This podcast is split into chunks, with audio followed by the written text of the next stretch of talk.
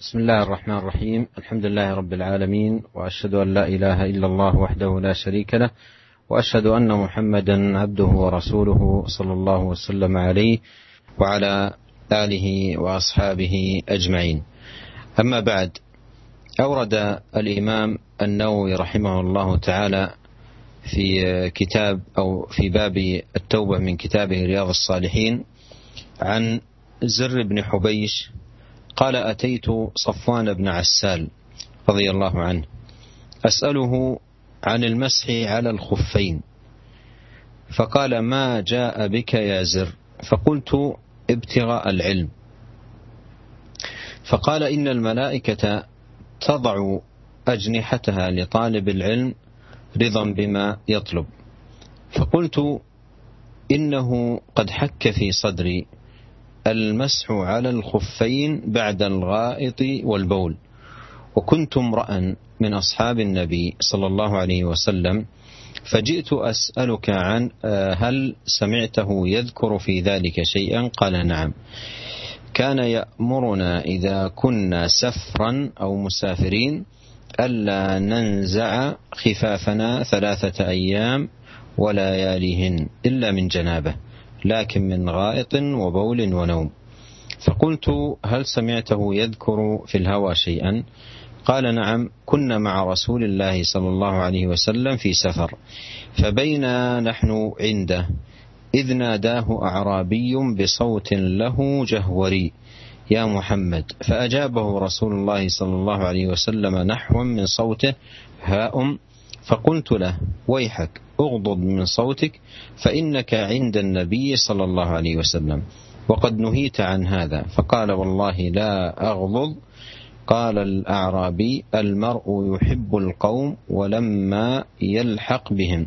قال النبي صلى الله عليه وسلم المرء مع من أحب يوم القيامة. فما زال يحدثنا حتى ذكر بابا من المغرب مسيرة, مسيرة مسير مسيره آه عرضه آه أو يسير الراكب في عرضه أربعين أو سبعين عاما. قال سفيان أحد الرواة قبل الشام خلقه الله تعالى يوم خلق السماوات والأرض مفتوحا للتوبة لا يغلق حتى تطلع الشمس منه. رواه الترمذي وغيره وقال حديث حسن صحيح. هذا الحديث حديث عظيم في باب التوبة وأن التوبة بابها مفتوح وأنه لا يغلق وأن من تاب في أي ساعة من ليل أو نهار فإن الله سبحانه وتعالى يقبل توبته. وهذا فيه الحث على التوبة والترغيب فيها وبيان مكانتها وعظيم شأنها. وأنها لا ترد من التائب في أي لحظة من لحظاته وفي أي وقت من أوقاته. وهذا السياق الذي ورد فيه هذا الحديث حديث التوبة هو من رواية زر بن حبيش أنه أتى صفوان بن عسال الصحابي رضي الله عنه وأرضاه أتاه يسأله عن المسح على الخفين. فلما وصل بهذا القصد أي أنه اتجه وذهب إلى هذا العالم بهذه النية الصالحة الرغبة في العلم والفقه في الدين قال له ما جاء بك يا زر؟ لأن المجيء يختلف في حاجة دنيوية أو حاجة دينية. فقلت ابتغاء العلم يعني الذي جاء بي هو العلم وطلبه وتحصيله. فأثنى على صنيعه. وهذا يستفاد منه أن طالب العلم يحتاج فعلا إلى أن يشجع وأن يبين له فضل العلم ومكانته وأن تذكر له الأحاديث التي في فضله حتى يزداد حرصا ومثابرة وعناية بطلب العلم. ولهذا لما قال زر جئت ابتغاء العلم قال له صفوان إن الملائكة تضع أجنحتها لطالب العلم رضا بما يطلب. ثم قال زر إنه قد حك في صدري المسح. ثم ثم قال صفوان إنه قد حك في صدري. هذا في جوابه على سؤال آه، زر إنه حك في صدري المسح على الخفين بعد الغائط والبول. يعني وجدت في ذلك شيئا من آه، الإشكال أن الإنسان يأتي الغائط أو يبول ثم يتوضأ ويمسح على الخفين دون أن يغسل قدميه. وكنت امرا من أصحاب النبي صلى الله عليه وسلم فجئت أسألك وكنت امرأ من أصحاب النبي صلى الله عليه وسلم فجئت أسألك هل سمعته يذكر في ذلك شيئا. آه، أعيد ثانية آه، زر حك في صدره حك في صدره أن يمسح على الخفين بعد أن يأتي الغائط والبول. أشكل عليه هذا الأمر فجاء إلى هذا الصحابي صفوان بن عسال ليسأله عن ذلك. قال له كنت امرأ من أصحاب النبي صلى الله عليه وسلم فجئت أسألك عن ذلك هل سمعته يذكر في ذلك شيئا؟ وهنا نستفيد فائدة عظيمة جدا أن كلام النبي عليه الصلاة والسلام يحسم الأمر. يعني آه، زر الآن يقول أنه حك في صدره هذا الأمر. ثم يسأله هل سمعت؟ معنى ذلك أنه إن كان قد سمع انتهت المسألة وما في الصدر يزول بما صح وثبت عن رسول الله صلى الله عليه وسلم. وهذا يا إخوان نستفيد منه فائدة عملية مهمة جدا في حياتنا. أن الأشياء التي قد يستشكلها الإنسان برأيه أو بعقله ونحو ذلك. إذا بلغه الحديث فيها يجب عليه أن لا يتردد وأن يترك رأيه. مثل ما قال آه، علي بن أبي طالب لو كان الدين بالرأي لكان باطن الخف أولى بالمسح من ظاهره. فإذا مر على الإنسان مسألة وحكت في صدره أو كان رأيه آه، يرى فيها شيئا عليه إن بلغه الحديث من كلام الرسول عليه الصلاة والسلام أن آه، يلزم ذلك. فبين له آه، صفوان قال نعم كان يأمرنا إذا كنا سفرا أي مسافرين ألا ننزع خفافنا ثلاثة أيام ولياليهن. أي تبقى الخفاف ومعلوم أن الإنسان في هذه الثلاثة أيام مرات يتكرر على الغائط والبول و...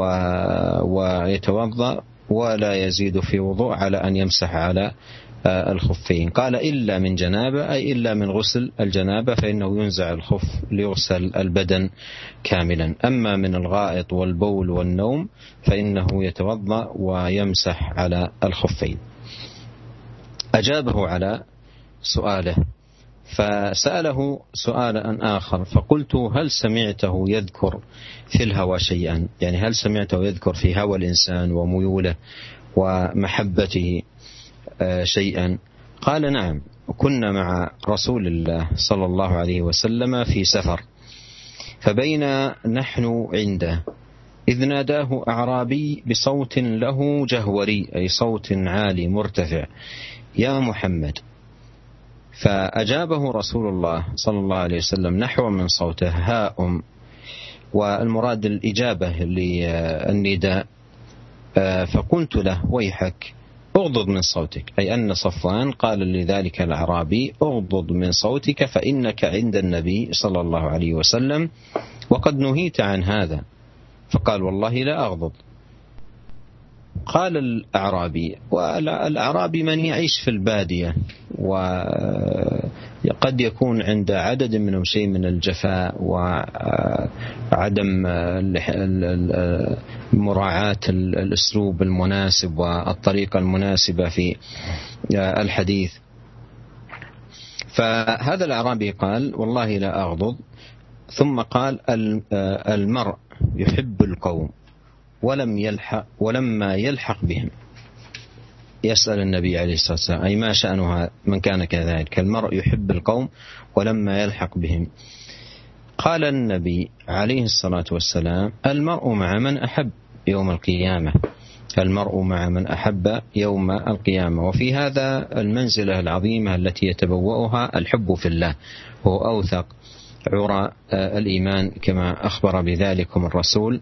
عليه الصلاة والسلام.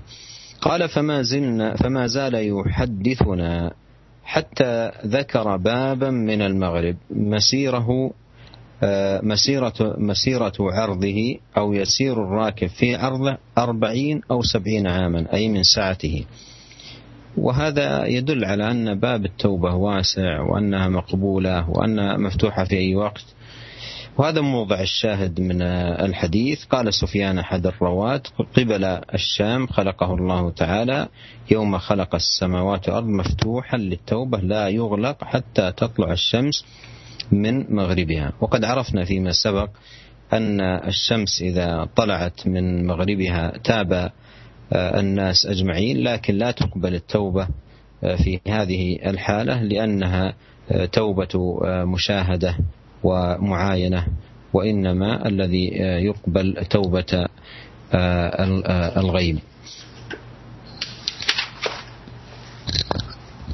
Bismillahirrahmanirrahim. Alhamdulillah. Segala puji dan syukur kita panjatkan kehadirat Allah Subhanahu wa taala. Salawat dan salam semoga senantiasa tercurahkan kepada suri teladan kita Nabi Muhammad sallallahu alaihi wasallam serta keluarganya, karib kerabat beliau serta seluruh sahabat beliau tanpa terkecuali. Para pendengar yang dirahmati oleh Allah Subhanahu wa taala, kita masih bersama Al Imam Nawawi rahimahullah dalam kitab uh, Riyadhus Shalihin dalam bab taubat dan uh, Imam Nawawi rahimahullah membawakan sebuah hadis yang cukup panjang yang menjelaskan tentang uh, bagaimana luasnya pintu taubat yang terbuka dan memberi kesempatan bagi setiap siapa siap setiap orang yang berdosa untuk bertobat kepada Allah Subhanahu wa taala. Hadis dari Zir bin Hubeish dia berkata, Aku mendatangi sahabat Sofwan bin Asal radhiyallahu taala anhu. Aku bertanya kepada kepada Sofwan tentang masalah membasuh atau mengusap di atas khufain, di atas sepatu, ya, di atas dua sepatu tatkala berwudu. Maka Sofwan bertanya kepadaku, "Ma ja'a bika ya Zir?" Apa yang membuat engkau datang wahai Zir? Ya. Ini adalah uh, pertanyaan yang disampaikan Sofwan bin Asal kepada Zir sebab kenapa datang mendat kenapa dia datang mendatangi Sofwan? Karena orang datang terkadang e, berbeda-beda niatnya. Ada yang datang menemui seorang alim dalam rangka untuk kepentingan dunia dan ada seorang yang datang menemui seorang yang alim dalam rangka untuk kepentingan akhirat. Niat yang suci dan tujuan akhirat. Maka Zir berkata, ibtigha al-ilm. Saya datang menemui engkau wahai Safwan karena untuk mencari ilmu. Ini niat yang tulus yang dinampakkan oleh Zir bin Hubeish. Maka apa kata Safwan bin Asal radhiyallahu taala anhu? Dia berkata, "Innal malaikata tadau ajrihataha li talibil ilmi ridhan bima yatlub." Sungguhnya para malaikat membentangkan sayap-sayap mereka untuk dilewati oleh penuntut ilmu. Kenapa? Karena mereka ridha dengan ilmu yang dicari oleh para penuntut ilmu. Ini merupakan motivasi yang disampaikan oleh sahabat Sofwan bin Asal kepada Zir bin Hubeish. Dan demikianlah terkadang penuntut ilmu butuh kepada orang yang memotivasi dia dalam belajar. Oleh karenanya diterapkan oleh Sofwan bin Asal tatkala dia mengetahui Zir datang untuk menuntut ilmu, maka dia memotivasi, mentasji' ya, Zir bin Hubeish agar semangat untuk ilmu dan dia jelaskan bagaimana keutamaan ilmu. Makhluk yang sangat mulia, malaikat. Sampai-sampai para malaikat membentangkan sayap-sayap mereka. Karena ridho kepada penuntut ilmu. Ini keutamaan yang sangat yang sangat luar biasa. Makhluk yang sangat mulia, mulia malaikat membentangkan sayapnya untuk para penuntut ilmu. Sehingga seorang penuntut ilmu tatkala mendengar motivasi seperti ini, tatkala mendengar keutamaan ilmu, maka akan bertambah semangatnya, bertambah perhatiannya terhadap ilmu. Maka kemudian Zir bin Hubeish menjelaskan, dia berkata, Innahu qad hakka fi sadri al-mas'al al-khufain. Ya ada sesuatu yang mengganjal di hatiku, mengganjal di dadaku tentang masalah mengusap di atas dua sepatu, ya, di atas dua khuf, tatkala berwudu ba'dal ghaid wal baul setelah kita buang air besar atau setelah kita buang air kecil. Ya dia mengganjal dalam hatinya kata uh, Zir bin Hubeish ya. Karena kita tahu bahwasanya di antara sunnah ya sunnah Nabi Shallallahu alaihi wasallam jika seorang uh, sudah dalam keadaan bersuci kemudian memakai sepatu, maka jika dia batal dari wudhunya, maka dia cukup untuk mengusap kedua sepatunya, bagian atas kedua sepatunya dan tidak perlu membuka kedua sepatunya. Ini sunnah Nabi Shallallahu Alaihi Wasallam. Akan tapi menjadi permasalahan, ya, bagaimana kalau batal wudhunya itu karena buang air besar dan buang air kecil. Ini yang mengganjal di hati Zir, ya. Di hati Zir bin Hubeish. Kalau hanya sekedar karena buang angin, mungkin perkaranya ringan. Tetapi seorang kemudian buang air besar, kemudian buang air kecil, kemudian batal wudhunya, apakah masih boleh mengusap di atas kedua sepatu tersebut? Inilah yang mengganjal di hati Zir. Kemudian dia berkata, Wa kunta mra'an min ashabi Nabi sallallahu alaihi wasallam fajitu as'aluka. Adapun engkau wahai Safwan, engkau adalah seorang sahabat Nabi sallallahu alaihi wasallam. Engkau salah seorang dari sahabat-sahabat Nabi sallallahu alaihi wasallam. Oleh karenanya saya datang kepada engkau untuk bertanya tentang permasalahan permasalahan ini. Hal sami'tahu yadhkuru fi dzalika syai'an? Apakah kau mendengar Rasulullah sallallahu alaihi wasallam ya menjelaskan sesuatu tentang permasalahan ini yang mengganjal di hatiku? Perhatikan para pendengar yang dirahmati oleh Allah Subhanahu wa taala ya. Terkadang kita menghadapi permasalahan-permasalahan yang membuat kita bimbang, yang membuat kita ragu, yang mengganjal di hati kita. Yang terkadang uh, mengganjal di pemikiran kita, mengganjal di otak kita, mengganjal di perasaan kita. Bagaimana jalan keluar menghadapi permasalahan-permasalahan seperti ini? Yang mengganjal di otak kita, mengganjal di pemikiran kita, mengganjal di perasaan kita. Jalan keluarnya aja kita mencari syariat hadis Nabi Shallallahu Alaihi Wasallam. Sebagaimana yang dialami oleh Zir, tatkala dia merasa mengganjal di hatinya tentang masalah mengusap di atas dua khuf, di atas dua sepatu, maka dia pun bertanya kepada Zir dan mencari hadis Rasulullah Shallallahu Alaihi Wasallam yang menjelaskan tentang hal ini. Ini kita mengambil faedah dari sini. Kalau seandainya ada hadis Rasulullah Wasallam kita dengar, dan hadis tersebut menjelaskan tentang sesuatu yang mengganjal di hati kita, sesuatu yang terkadang seakan-akan mengganjal di perasaan kita, pemikiran kita, akal kita, ya, maka kita harus terima hadis Rasulullah Shallallahu Alaihi Wasallam dan hadis Rasulullah SAW adalah yang memutuskan segala perkara, menghilangkan keganjalan dalam hati kita dan menghilangkan keraguan dalam hati kita. Oleh karenanya wajib bagi kita untuk menerima hadis Nabi Shallallahu Alaihi Wasallam meskipun terkadang kita merasa hal tersebut tidak tidak cocok dengan akal kita. Oleh karenanya diriwayatkan dari sahabat Ali bin Abi Thalib radhiyallahu taala anhu, ya, dia salah seorang sahabat yang meriwayatkan tentang masalah khuf, membasuh di atas khuf atau mengusap di atas khuf tatkala wudu. Kata Ali bin Abi Thalib radhiyallahu taala anhu, "Lau kana ad-dinu bir-ra'yi, la kana asfal khuf aula bil mashi min a'la."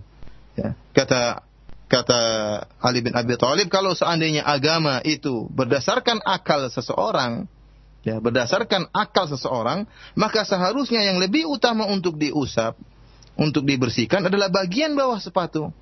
Akan tetapi Nabi Shallallahu Alaihi Wasallam ternyata tatkala berwudu beliau mengusap bagian atas sepatu, padahal yang kotor bagian bawah.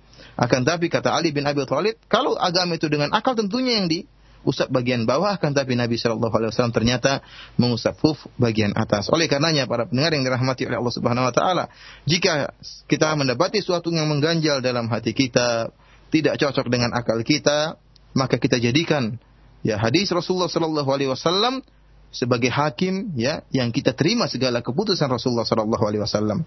Maka Zir bertanya kepada Sufyan bin Asal, Apakah kau mendengar sabda Nabi Shallallahu Alaihi Wasallam tentang permasalahan yang mengganjal di hatiku ini? Bolehkah, boleh enggak kita mengusap setelah buang air besar, mengusap dua sepatu tatkala berwudu setelah buang air besar dan buang air kecil? Maka kata Sofan bin Asal, "Na'am." Ya, saya pernah mendengar masalah ini dari Nabi Shallallahu Alaihi Wasallam. Nabi Shallallahu Alaihi Wasallam memerintahkan kami jika kami dalam keadaan bersafar, sedang musafirin, ya, Nabi memerintahkan kami untuk tidak melepaskan khuf-khuf kami, untuk tidak melepaskan sepatu-sepatu kami selama tiga hari tiga malam. Kecuali karena janabah. Ya. Lakin min ghaitin wa bolin wa naumin. Artinya Nabi SAW menjelaskan jika seorang sedang bersafar kemudian dia memakai khuf ya.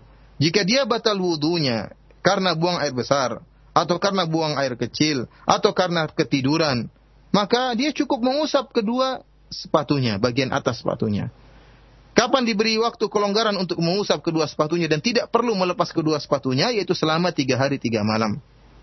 Kecuali karena janabah. Kalau seorang kemudian bersafar, kemudian memakai kedua sepatunya, kemudian dia junub, maka dia wajib untuk melepaskan kedua sepatunya untuk mandi junub. Inilah jawaban yang diberikan Sofwan bin Asal kepada Zir untuk menghilangkan keraguan, keganjilan, apa yang mengganjal di hati Zir. Kemudian Zir berkata lagi, bertanya lagi kepada Sofwan bin Asal. Hal sami'tahu yadhkuru fil hawa syai'an? Wahai Sofwan, apakah engkau mendengar Nabi SAW berbicara tentang permasalahan sesuatu yang dicondongi oleh manusia, ya, yang diinginkan oleh manusia, yang dikehendaki oleh manusia? Maka kata Sofwan, "Na'am, kunna Rasulullah sallallahu alaihi wasallam fi safarin." Benar. Saya juga pernah mendengar Nabi sallallahu alaihi wasallam bersabda tentang sesuatu yang berkaitan dengan kecondongan manusia. Kami pernah bersafar bersama Rasulullah sallallahu alaihi wasallam. Tatkala kami sedang bersama Nabi sallallahu alaihi wasallam, tiba-tiba ada seorang Arab Badui datang menemui Nabi sallallahu alaihi wasallam, kemudian berteriak dengan suara yang keras memanggil Nabi sallallahu alaihi wasallam. Dia berkata, "Wahai Muhammad," dengan suara yang jahwari, dengan suara yang keras. Dia berkata, "Wahai Muhammad," orang-orang Badui ini berkata dengan suara yang yang lantang. Maka Rasulullah Shallallahu alaihi wasallam menjawab panggilan orang Arab Badui tadi dengan suara juga yang agak keras sebagaimana suara orang Arab Badui tadi. Ya, wahai orang Arab Badui. Ya. Maka Sofwan berkata, "Fakultu lahu," maka aku berkata kepada orang Arab Badui ini, "Wahai haka uqdud min sautika fa innaka 'inda Nabi sallallahu alaihi wasallam." Wahai orang Arab Badui, ya. Ya, pelankanlah suaramu. Sungguhnya engkau sedang di sisi Nabi Shallallahu Alaihi Wasallam dan engkau telah dilarang untuk melakukan hal ini. Namun apa kata orang Arab Badui ini? Wallahi la aghlud. Demi Allah aku tidak akan merendahkan suaraku. Ya, ini adalah sikap Arab Badui yang kita tahu bahwasanya orang Arab Badui mereka tinggalnya di daerah badiah di dusun-dusun atau di gunung-gunung yang terkadang mereka tidak memiliki adab ya sebagaimana sahabat-sahabat Nabi Shallallahu Alaihi Wasallam yang tinggal bersama Nabi Shallallahu Alaihi Wasallam di kota mengetahui bagaimana uh, akhlak yang baik, akhlak yang mulia. Sehingga orang Arab Badui terkadang memiliki sifat yang kasar dan keras ya.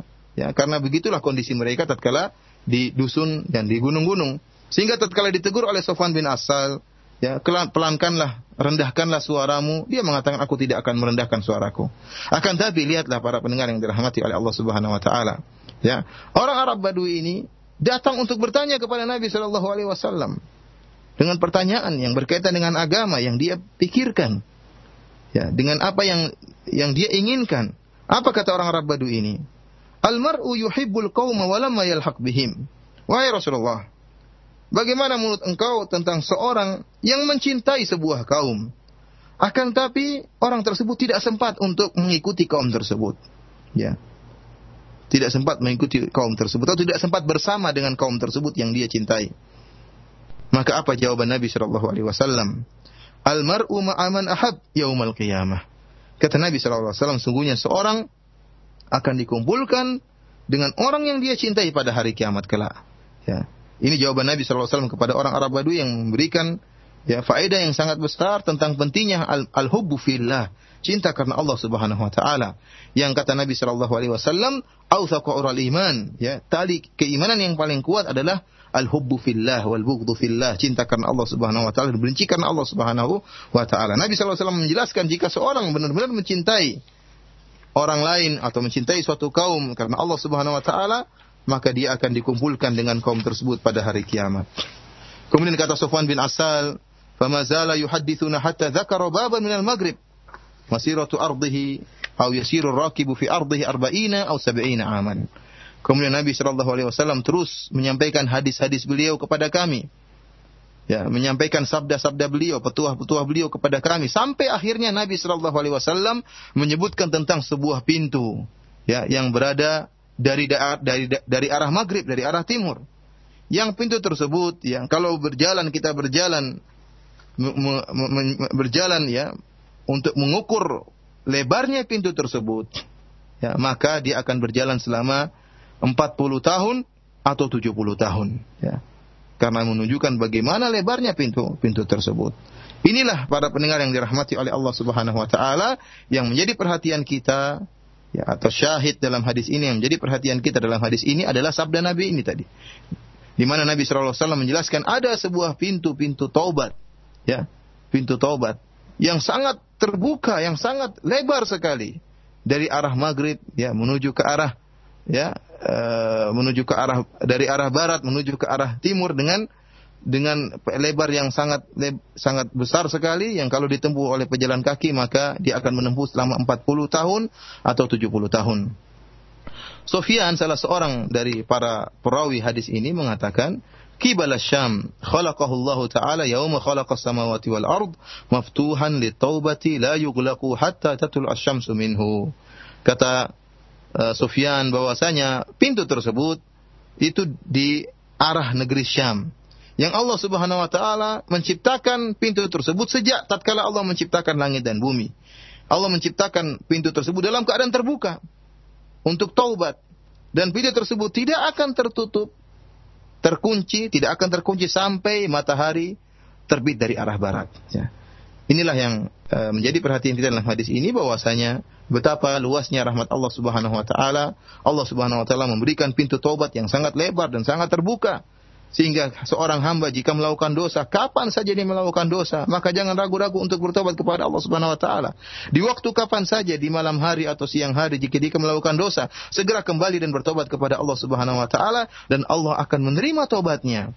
Kapan Allah tidak menerima tobatnya jika matahari asyams ya, jika matahari kemudian terbit dari arah barat, tatkala itu manusia pun beriman kepada Allah Subhanahu wa taala ya. Karena taubat tatkala itulah taubat muayyanah mereka sudah melihat adanya perubahan alam semesta. Mereka tahu akan terjadi akan tiba hari akhirat. Tatkala itu semua orang beriman kepada Allah Subhanahu wa taala melihat matahari yang biasanya terbit dari arah timur tiba-tiba Allah rubah terbit dari arah barat. Mereka pun kembali dan ingat kepada Allah mengakui dosa-dosa mereka bertobat kepada Allah. Akan tapi tatkala itu Allah tidak menerima taubat mereka tidak bermanfaat taubat mereka. Pintu taubat telah tertutup Ya, pintu taubat hanya terbuka sebelum matahari terbit dari arah barat.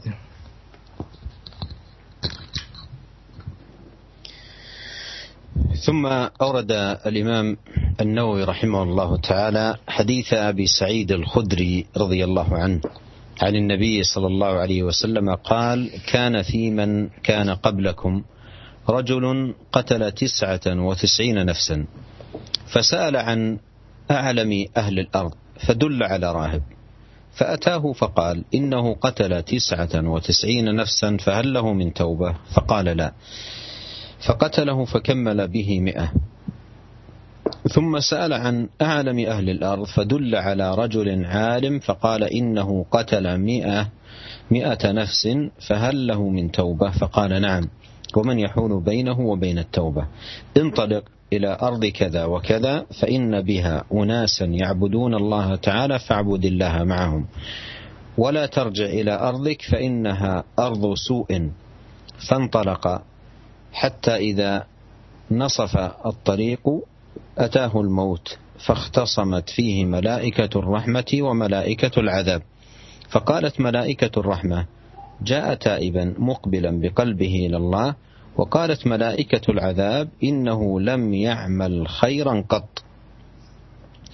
فأتاه ملك في صورة فأتاهم ملك في صورة آدمي فجعلوه بينهم أي حكما. فقال قيسوا ما بين الأرضين فإلى أيتهما كان أدنى فهو له. فقاسوا فوجدوه أدنى إلى الأرض التي أراد. فقبضته ملائكة الرحم متفق عليه. وفي رواية في الصحيح فكان إلى القرية الصالحة أقرب بشبر فجعل من أهلها. وفي رواية في الصحيح فأوحى الله تعالى إلى هذه أن تباعدي وإلى هذه أن تقربي. وقال قيسوا ما بينهما فوجدوه إلى هذه أقرب بشبر فغفر له. وفي رواية فنأى بصدره نحوها.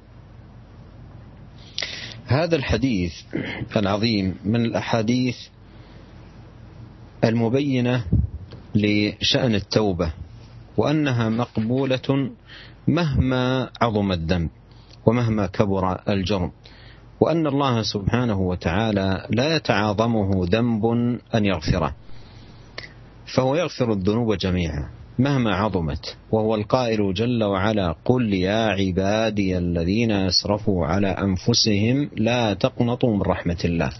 إن الله يغفر الذنوب جميعا إنه هو الغفور الرحيم. ولا شك أن القتل جريمة من الجرائم الكبار وذنب من الذنوب العظام. وقد قرن في القرآن بالشرك بالله والذين لا يدعون مع الله إلها آخر ولا يقتلون النفس التي حرم الله إلا بالحق. فهو قرين للشرك في, في, في القرآن مما يبين غلظ هذا الذنب وعظم هذا الجرم. وكيف إذا كان القتل لعدد من الأنفس بغير حق كحال هذا الرجل الذي قتل تسعة وتسعين نفسا؟ قتل تسعة وتسعين نفسا. فالنبي عليه الصلاة والسلام ذكر حال هذا الرجل من بني إسرائيل وكان مسرفا في القتل. وواضح من قصة خبره أنه يقتل عند أدنى أمر وعند أدنى سبب يبادر القتل. فها هو الآن استفتى ذلك العابد فأفتاه بغير ما يحب أو بغير ما يريد فقتله مباشرة وكمل به المئة. فهذا رجل من بني إسرائيل قتل تسعة وتسعين نفسا وهذا ليس بالعدد الهين. فسأل عن أعلم أهل الأرض وأيضا بحثه عن أعلم أهل الأرض كان بحثا موفقا يعني الأصل أن يكون هكذا البحث عن الأعلم والأكثر فقها والأكثر في دراية في دين الله. لأن الإنسان إن سأل من لا يكون على علم وعلى بصيرة قد يورطه في الإجابة وقد يجيبه إجابة غير مسددة. فبحثه عن الأعلم آه، بحث في في محله وبحث موافق للحق والصواب. فسأل عن أعلم أهل الأرض فدل على راهب. دل على راهب أي لم يدل على عالم. وهذا أيضا يا إخوان فيه أيضا تنبيه يحتاج أن يتنبه له الإنسان. الدلالة يعني عندما تسأل و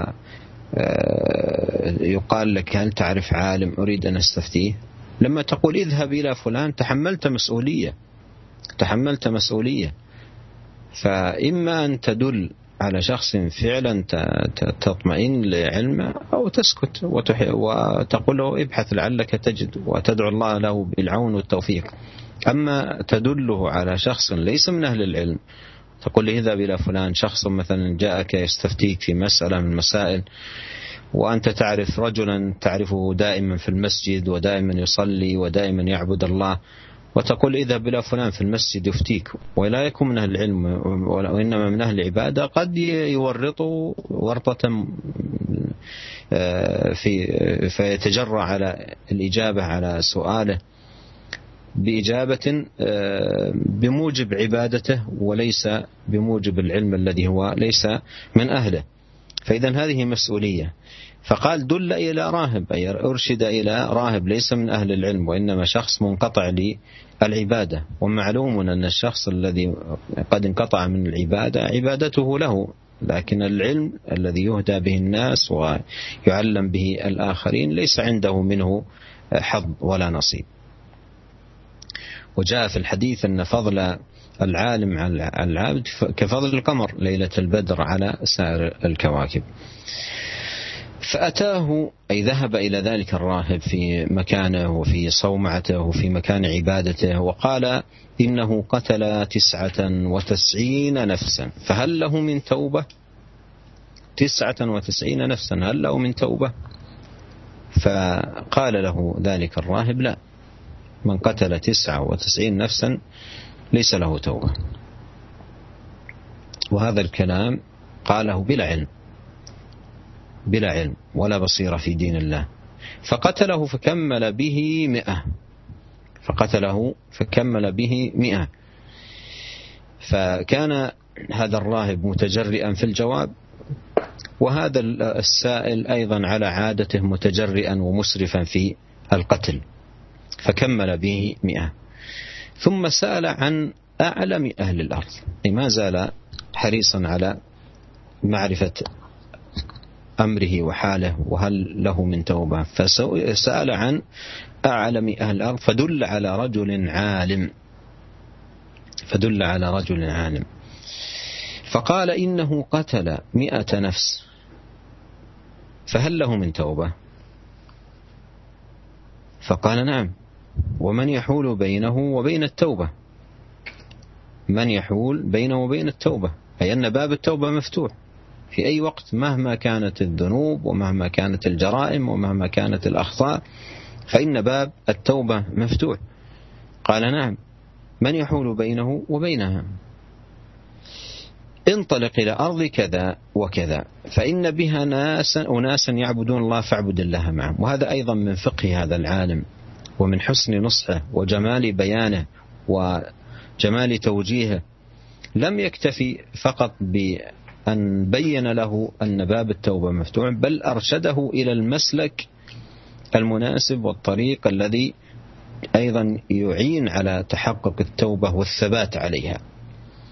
فأرشده إلى أن ينتقل من أماكن عصيانه ومخالفاته وأخطائه ومن هو أيضا آه، مرتبط بهم من أشخاص وتعود معهم على ممارسات أن ينتقل من هذا المكان كاملا إلى مكان أرشده إليه فيه أشخاص يعبدون الله سبحانه وتعالى وأهل عبادة وأهل دين. وهذا أيضا يفيد أن أن الذي يريد أن يتوب. لا يبقى في مكان الفسق ومكان الفجور ومكان آه، لأنه سرعان ما يعود إلى عمله، لكن إذا انتقل إلى رفقة أخيار وصبر على الجلوس معهم أعانوه بإذن الله سبحانه وتعالى على الثبات.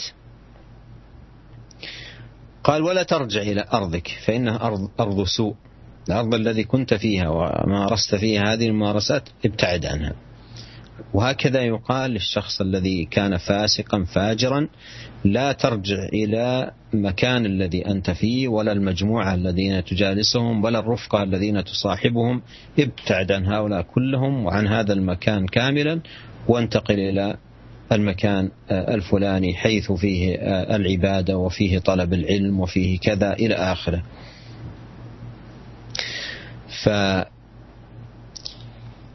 فقال انطلق إلى أرض كذا فإن بها أناسا يعبدون الله فاعبد الله معهم ولا ترجع إلى أرضك فإنها أرض سوء. فانطلق عمل بالوصية. رجل يبحث عن التوبة أسرف وأجرم لكنه يبحث نفسه تبحث عن آه، التوبة. وهذا أيضا سبحان الله نستفيد منه فائدة. أن أن كثير من المجرمين قد يكون على إجرامه لكن في في الداخل شيء ينازعه ويؤلمه على أخطائه على إجرامه ويحتاج إلى أن ينتقل من هذا الإسراف ومن هذا الإجرام.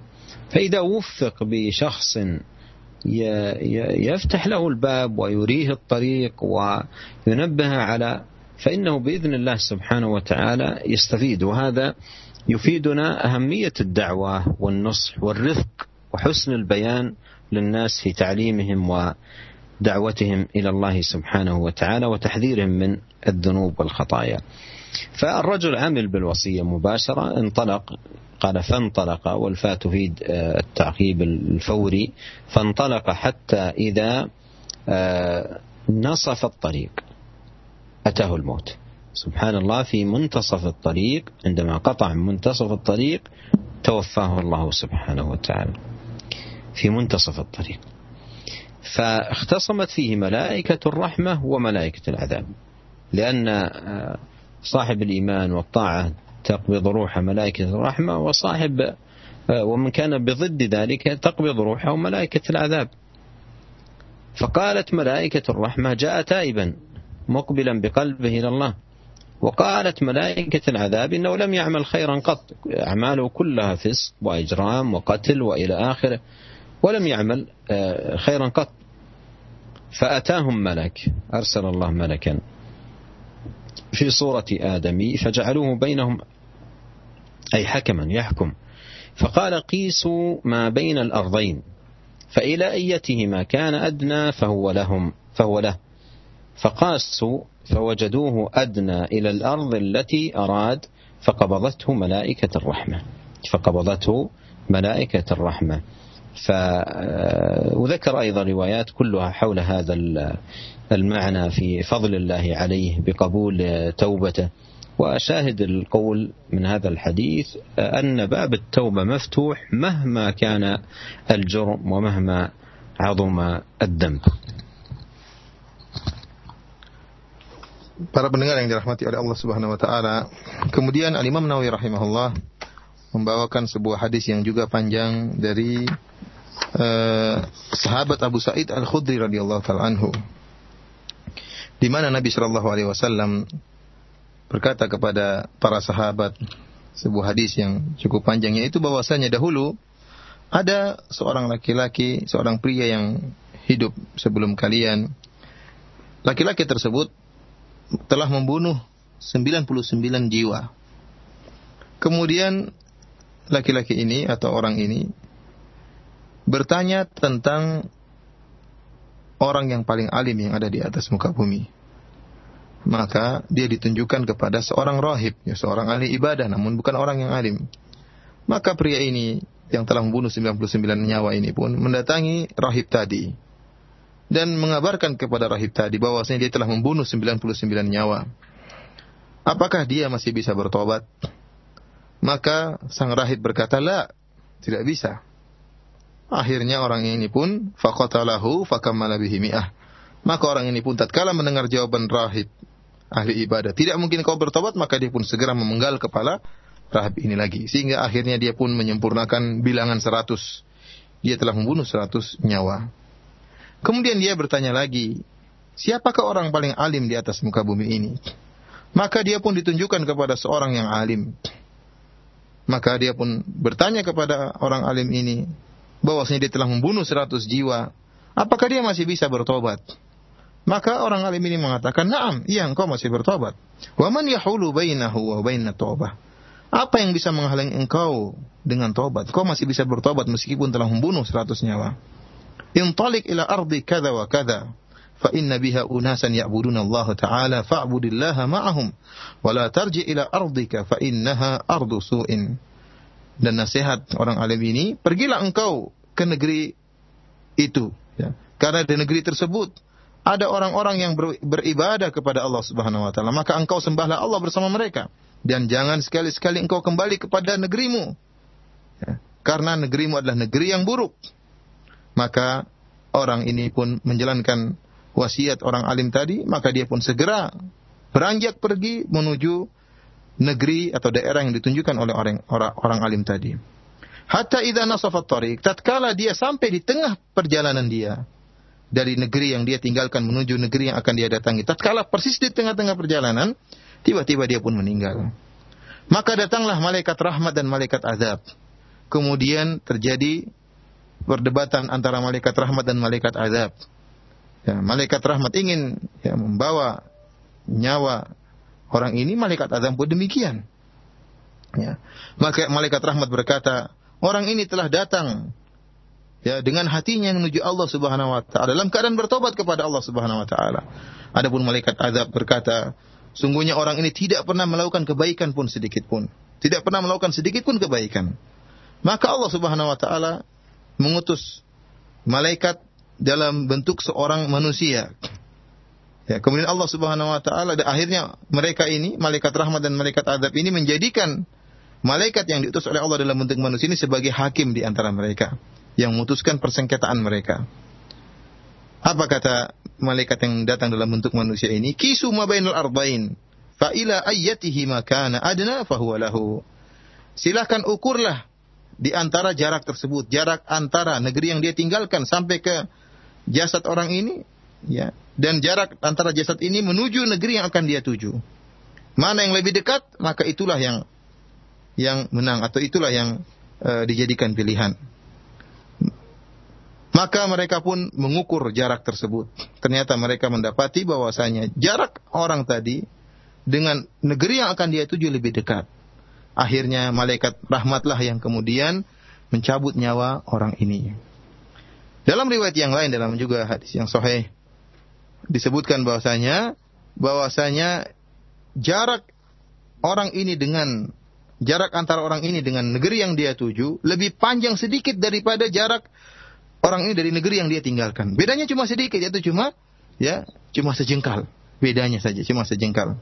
Ya. Dalam riwayat yang lain Allah Subhanahu wa taala mewahyukan memberi wahyu memberi, memerintahkan kepada ya tanah yang antara eh, orang tersebut dengan negeri yang dia tinggalkan agar memendek dan Allah memerintahkan tanah yaitu jarak antara orang tersebut dengan negeri yang dia tuju agar memanjang sehingga tatkala mereka mengukur antara dua jarak tersebut mereka dapati bahwasanya jarak antara orang tersebut dengan negeri yang dia tuju lebih panjang satu jengkal daripada jarak antara dia dengan negeri yang dia tinggalkan. Para pendengar yang dirahmati oleh Allah Subhanahu wa taala, ini merupakan hadis yang sangat agung yang menjelaskan bagaimana pentingnya taubat yang menjelaskan bagaimana Allah Subhanahu wa taala menerima taubat seorang hamba Betapapun besar dosa seorang hamba, betapapun besar kriminal yang dia lakukan, dialah Allah Subhanahu wa taala yang Maha menerima taubat seorang hamba. Dialah Allah Subhanahu wa taala yang telah berfirman, "Qul ya ibadiyalladzina asrafu ala anfusihim la taqnatu min rahmatillah, innallaha yaghfiru dzunuba jami'an, innahu huwal ghafurur rahim." Wahai hamba-hambaku yang telah melampaui batas, yang telah bergelimang dalam dosa-dosa, Janganlah kalian putus asa dari rahmat Allah Subhanahu wa taala. Sungguhnya Allah Subhanahu wa taala mengampuni seluruh dosa. Sungguhnya Allah Subhanahu wa taala Maha Pengampun lagi Maha Penyayang. Dan tidak diragukan lagi bahwasanya membunuh merupakan ya kriminal yang sangat besar, kemaksiatan yang sangat besar. Ya. Sampai-sampai Allah Subhanahu wa taala menggandengkan antara membunuh dengan dosa syirik yang kita tahu syirik merupakan dosa yang sangat besar. Allah Subhanahu wa taala berfirman, "Walladzina la yad'una ma'allahi ilahan akhar wa la yaqtuluna nafsal lati harramallahu illa bil haqq." Ya. Allah menyebutkan yaitu orang-orang yang masuk surga adalah orang-orang yang tidak melakukan kesyirikan, yang tidak berdoa kepada selain Allah dan tidak membunuh nyawa orang lain kecuali dengan hak. Allah menggandengkan antara membunuh nyawa orang lain dengan kesyirikan yang menunjukkan akan besarnya dosa membunuh orang lain. Ini membunuh satu nyawa. Bagaimana jika seorang kemudian membunuh 99 nyawa? Tentunya dosanya semakin besar lagi dan semakin parah lagi. Oleh karenanya Nabi Wasallam untuk menggambarkan bagaimana luasnya rahmat Allah, bagaimana pintu tobat yang sangat terbuka, Nabi Wasallam menjelaskan tentang seorang laki-laki yang pernah tinggal di zaman dahulu, yang orang ini hobinya membunuh orang, ya. Bahkan disebutkan dalam hadis ini, bagaimana orang ini karena sebab sedikit saja, sebab sepele saja dia sudah bunuh orang lain. Lihat bagaimana tatkala dia datang kepada seorang rahib ahli ibadah dan dia tanya, "Saya sudah membunuh 99 orang. Apakah saya masih bisa bertobat?" Kemudian rahib hanya mengatakan, "La," satu kalimat yang dia keluarkan. "Saya tidak bisa tobatmu diterima." Langsung dia penggal kepada rahib tersebut. Gara-gara permasalahan sepele, gara-gara suatu perkataan yang menyinggung hatinya, langsung dia bunuh orang tersebut. Hmm. Ya. Apalagi dia bunuh 99 orang, bunuh 100 orang. Ini bukan jumlah yang sedikit, 100 orang yang terbunuh. Ya. Dan ternyata dia mencari orang yang paling alim di atas muka bumi ini. Ya, Allah memberi taufik kepada dia sehingga dia ingin mencari orang alim karena ingin bertobat kepada Allah Subhanahu wa taala. Akan tapi ternyata ya dia ditunjukkan kepada orang yang tidak alim. Ada orang yang ahli ibadah akan tapi tidak memiliki ilmu. Ya, oleh karenanya ya, seorang jika menghadapi suatu problematika permasalahan maka hendaknya dia bertanya kepada orang alim yang memiliki ilmu. Jangan dia hanya bertanya kepada orang ahli yang ahli ibadah, rajin beribadah, rajin sholat malam, rajin ke masjid, akan tapi tidak memiliki ilmu. Karena orang yang tidak memiliki ilmu ternyata terkadang berani untuk menjawab, nekat untuk menjawab, akhirnya menjerumuskan orang yang bertanya kepada kesalahan yang lebih parah. Fadulla ala rahib, maka dia pun akhirnya ditunjukkan kepada seorang rahib. Ya, dan ini perhatian, eh, peringatan kepada kita. Tatkala jangan sampai kita salah menunjukkan. Tatkala kita ditanya oleh orang lain, mana ustadz? Saya ingin bertanya, kemudian kita tunjukkan kepada seorang ustadz yang ternyata ngawur, jangan kita bilang itu urusan ustadz kalau salah fatwa, enggak, kita juga bertanggung jawab. Karena kita yang menunjukkan dia untuk bertanya kepada ustadz fulan, ya. atau kepada ulama fulan, ya. Kita yang akan bertanggung jawab pertanggung jawaban tersebut karena kita yang ikut nunjuk. Kalau kita nggak nunjuk, dia tidak akan datangi orang tersebut. Oleh karenanya kalau kita tidak tahu, kita diam. Ya, tidak usah sok tahu, sok nunjukkan kepada orang yang salah. Ya, karena kita akan dimintai pertanggungjawaban juga oleh Allah Subhanahu wa taala. Ya. Seperti misalnya ada kita tahu ada seorang yang rajin di masjid, rajin beribadah, ya. Dan kita tahu bahwasanya orang tersebut meskipun rajin beribadah, dia bukan orang alim. Maka jika kita ditanya ingin ada seorang ingin mencari ustaz, maka jangan kita tunjukkan kepada orang yang rajin ibadah tersebut sementara kita tahu dia tidak memiliki ilmu. Karena terkadang Ya meskipun dia rajin ibadah, dia nekat untuk menjawab. Sebagaimana rohib ini. Rohib ini rajin beribadah, namun dia bukan bukan orang alim. Ibadahnya hanya untuk dirinya sendiri. Ibadahnya bukan untuk kepentingan banyak orang. Ya. Berbeda dengan orang yang alim, yang memiliki ilmu. Dia yang ilmunya adalah untuk kepentingan banyak orang, di mana Rasulullah SAW pernah bersabda, "Fadlul alim alal abid ka fadlil qamari ala sairil kawakib." Bahwasanya seorang yang alim keutamaannya lebih daripada orang yang ibadah sebagaimana keutamaan rembulan dibandingkan seluruh bintang-bintang yang ada. Para pendengar yang dirahmati oleh Allah Subhanahu wa taala, ya. Tatkala dia datang kepada rahib ini, maka dia ditanya, rahib tadi ditanya, "Apakah saya masih bisa bertobat?" Maka rahib tadi menjawab, "Tidak, engkau tidak bisa bertobat." Ya. Ini adalah perkataan tanpa ilmu yang menunjukkan bagaimana beraninya sang rahib untuk berfatwa Akhirnya orang ini pun tersinggung, dia pun memenggal kepala rahib tadi. Sang rahib berani, tajarruk berani untuk berfatwa, dan orang yang membunuh, yang hobinya membunuh juga juga sangat berani untuk membunuh. Begitu mendengar ada kalimat yang menyinggung hatinya, kamu tidak bisa bertobat, segera dia pun membunuh orang rahib tadi tersebut. Akan tapi orang ini setelah membunuh sang rahib, dia masih terus mencari orang yang alim ya hatinya masih ingin bertobat, ingin mencari orang yang alim. Dia bertanya, siapa orang alim di atas muka bumi ini? Akhirnya ditunjukkan kepada seorang yang alim, kemudian dia bertanya, apakah dia masih bisa diterima tobatnya? Maka orang alim tadi mengatakan dengan jawaban yang indah, apa yang menghalangi engkau dengan taubat? Tidak ada yang bisa menghalangi seorang hamba dengan taubat. Betapapun besar dosanya, betapapun besar kriminalnya, dia akan diterima taubatnya oleh Allah Subhanahu wa taala. Pintu taubat terbuka. Betapapun besar kriminal yang dia lakukan. Dan lihat bagaimana jawaban orang alim ini bukan hanya sekedar menjelaskan bahwasanya pintu taubat terbuka. Bahkan dia pun memberi petunjuk kepada sang yang pelaku kriminal tadi yang telah bunuh 100 orang tadi dengan nasihat yang sangat indah yaitu hendaknya dia pergi meninggalkan negeri tempat dia bermaksiat menuju ke negeri yang lain tempat dia melakukan tempat dia melakukan uh, uh, tempat dia dia meninggalkan negeri tempat dia melakukan kemaksiatan menuju negeri di tempat orang-orang yang soleh. Ya, ini adalah nasihat yang luar biasa yang diberikan oleh orang alim tadi. Bukan hanya menjelaskan pintu tobat terbuka, tapi bagaimana menunjukkan bagaimana agar dia bisa sabat dalam tobatnya. Itu dia hendaknya meninggalkan negerinya. Makanya dia mengatakan, wala tarji ila ardika. Jangan sekali-sekali kau kembali kepada negerimu tempat melakukan kemaksiatan. Karena seorang yang telah bertobat kemudian dia kembali ke teman-temannya yang dulu dia bermaksiat dengan teman-temannya, maka sangat mudah dia kembali kepada kemaksiatannya. Sangat mudah dia kembali melakukan kriminal yang pernah dia lakukan.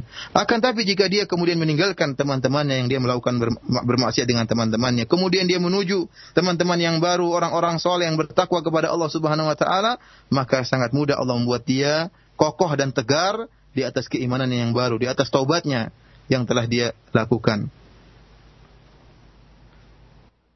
Demikianlah para pendengar yang dirahmati oleh Allah Subhanahu wa taala, kajian kita pada kesempatan kali ini sebuah syarah dari hadis yang sangat agung yang menjelaskan bagaimana luasnya rahmat Allah Subhanahu wa taala, bagaimana pintu taubat yang dibuka oleh Allah Subhanahu wa taala bahkan kepada seorang yang telah melakukan kriminal yang sangat tinggi, telah bunuh 100 nyawa ya dengan penuh kezaliman akan tapi Allah Subhanahu wa taala masih menerima taubatnya. Di akhir dari hadis ini disebutkan bagaimana kemudian orang ini pun segera menjalankan nasihat dari orang alim tadi. Maka dia pun ya fantalaqa hatta idza nasafat. Dia pun berjalan menuju ke negeri yang dinasihatkan tadi. Ini menunjukkan bagaimana dia langsung semangat untuk menjalankan wasiat dari orang alim tadi. Dan ternyata tatkala dia sampai di tengah perjalanan, persis di tengah perjalanan tiba-tiba maut menjemputnya. Ajal datang, dia harus meninggal dunia maka datanglah malaikat rahmat dan malaikat azab. Kita tahu bahwasanya malaikat rahmat, ya, malaikat rahmat akan mencabut nyawa-nyawa orang-orang yang solehin. Adapun malaikat azab akan mencabut nyawa-nyawa orang-orang yang pelaku kriminal. Sehingga malaikat azab ingin mencabut nyawa orang ini karena orang ini telah membunuh 100 jiwa. Sementara malaikat rahmat ingin mencabut nyawa orang ini karena dia sekarang sedang bertobat menuju kepada negeri orang-orang soleh. Maka malaikat rahmat berkata, kepada malaikat azab. Orang ini telah datang dengan hatinya menuju Allah Subhanahu wa taala, bertobat kepada Allah Subhanahu wa taala. Namun apa kata malaikat azab? Orang ini tidak pernah melakukan kebaikan sama sekali. Bahkan yang dia lakukan adalah kriminal, membunuh seratus nyawa. Ya. Akhirnya terjadi sengketa antara malaikat rahmat dan malaikat azab. Tiba-tiba Allah Subhanahu wa taala mengirimkan malaikat dalam bentuk manusia. Maka akhirnya malaikat rahmat dan malaikat azab menjadikan malaikat yang dalam bentuk manusia ini sebagai hakim ya di antara mereka. Akhirnya apa kata malaikat dalam bentuk manusia ini? Ukurlah jarak antara dua negeri ini ya. Sebagaimana disebut dalam hadis ternyata setelah diukur ya Allah Subhanahu wa taala menjadikan uh, negeri yang dituju oleh orang ini ternyata lebih panjang jaraknya daripada negeri yang dia tinggalkan sehingga akhirnya faqabadathu malaikatur rahmah. Akhirnya malaikat rahmat pun mencabut nyawa orang ini ya. Demikianlah para pendengar yang rahmati Allah Subhanahu wa taala. Semoga kajian yang kita dengarkan pada kesempatan kali ini ya mengingatkan kita untuk senantiasa bertobat kepada Allah Subhanahu wa taala dan agar tidak putus asa dari rahmat Allah Subhanahu wa taala. Meskipun betapa besar maksiat yang kita lakukan, betapa besar kriminal yang kita lakukan, sungguhnya pintu tobat sangatlah terbuka lebar dan rahmat Allah sangatlah luas. Wabillahi taufik wal hidayah. Assalamualaikum warahmatullahi wabarakatuh.